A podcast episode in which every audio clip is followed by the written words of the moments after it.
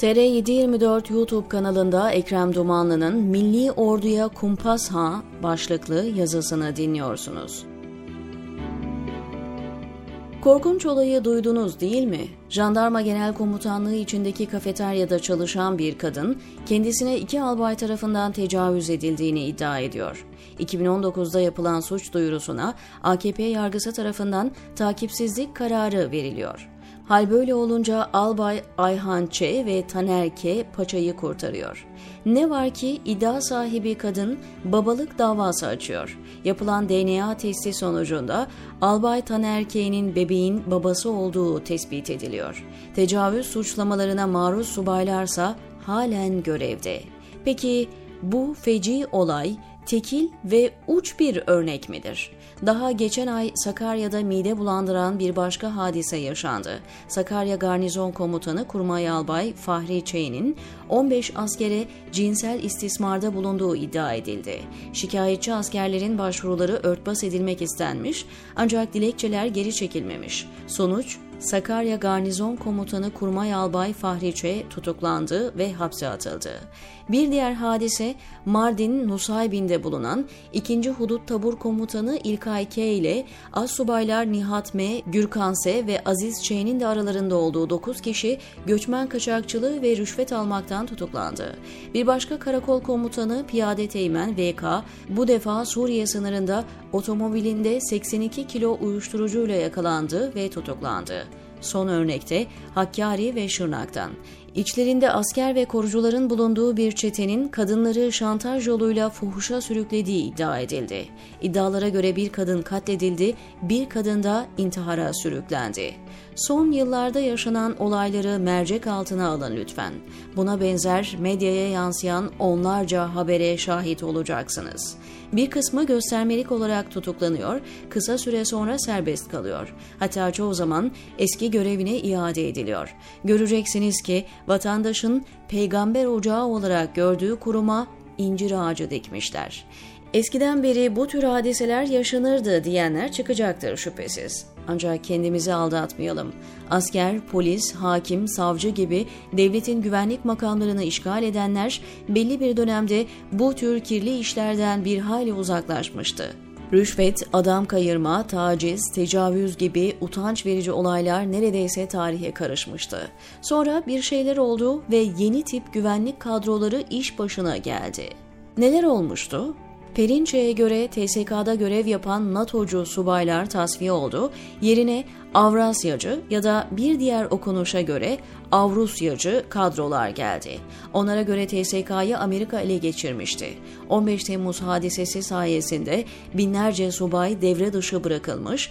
Bu görevi de eski Mao'cu Apo'cu Perinçek ve onun ekibi yapmıştı. Perinçek isim de veriyordu. Kendilerine yakın eski askerlerin fişleme listesi yaptığını ifade ediyordu. Bir de dünyanın en geri zekalı uygulaması büyük bir buluş gibi takdim edildi medyaya. Cihat Yaycı adında kriminal ilişkileri olan bir amiral tarafından FETÖmetre diye bir formül geliştirilmiş. O formül subaylara hatta askeri öğrencilere uygulanmış. Çıkan sonuca göre insanların hayatları karartılmış. Yani ortada somut ve adil hiçbir araştırma, soruşturma olmaksızın TSK bünyesinde ayıklanma yapılmıştı. Bu geri zekalı kriterlere göre namuslu, haysiyetli, onurlu insanlara yafta vuruldu. Geriye kalanlar Perinçek ekibinin uygun gördüğü dar bir zümre, yani Avrasyacı ekip. Ne ilginçtir ki 28 Şubat'ı yapanlar da o postmodern darbenin bin yıl süreceğini iddia edenler de aynı Avrasyacı ekip. Bunlar nasıl oluyor da orduyu dizayn ediyor ve kendini 28 Şubat mağduru sayan AKP iktidarıyla el ele kol kola eylem planı yapıyor. En ilginç yorumu Erdoğan'ın yakın halkasındaki isimlerden Yalçın Akdoğan yapmıştı. 28 Şubat döneminde Batı Çalışma Grubu için çalışan ve bunu hep gizli tutmaya gayret eden Akdoğan, Ergenekon davası Cumhuriyet tarihinin en büyük hukuki hesaplaşmasının adıdır dedikten sadece 4 ay sonra Milli Orduya kumpas kuruldu demişti. Akdoğan'ın Batı Çalışma Grubu'na sunduğu hizmet devam ediyor olmalıydı ki Milli Ordu'ya kumpas açıklamasıyla Erdoğan'ı ulusalcı ve Avrasyacıların kucağına itti. Bir zamanlar Ergenekon davalarının savcısıyım diyen Erdoğan, içine düştüğü yolsuzluk bataklığından çıkmak ve cemaati yok etmek için anlaştığı yeni ortaklarına bir jest yaptı allem kallem ederek bu davaları hasır altı ettirdi. Davaları düşen şebekede Erdoğan'ın yolsuzluğunu, hırsızlığını unuttu, ağzına almaz hale geldi. Peki Balyoz ve Ergenekon davaları hakkında AKP yetkililerinin açıklamalarını ne yapacağız? Mesela uzun zaman Milli Eğitim Bakanlığı yapmış, AKP sözcülüğü görevinde de bulunmuş Hüseyin Çelik, 2014'te yani Milli Orduya kumpas açıklamasından aylar sonra balyoz bal gibi darbe planıdır demişti.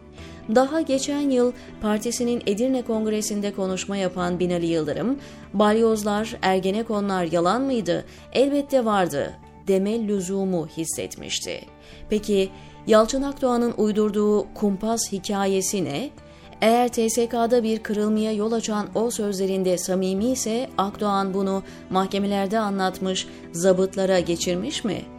Köşe yazılarından üfürmekle olmaz bu işler.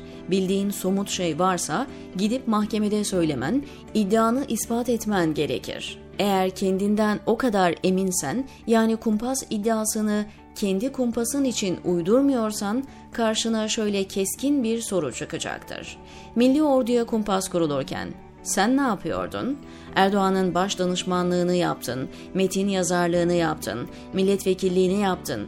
Bir kumpas gözlerinizin önünde kurulurken neden müdahale etmediniz?'' Anlaşılan o ki Milli Orduya kumpas iddiasının merkezinde balyoz davası var. Güya balyoz orduda tasfiyeler için kurgulanmıştı. Bu iddia doğruysa ordunun üst kademesine gelmesi gerekenler tasfiye edilmiş, onun yerine hak etmeyen kişiler iş başına getirilmiş. Bunu doğru kabul edersek bu kumpasın baş sorumlusu Hulusi Akar olmalı çünkü o davalar olmasa Akar'ın kuvvet komutanlığına ve Genelkurmay Başkanlığına kadar yükselmesi imkansızdı. Akar'ın önünü açan bu süreç Akar'dan bağımsız ve habersiz nasıl yapılabilir?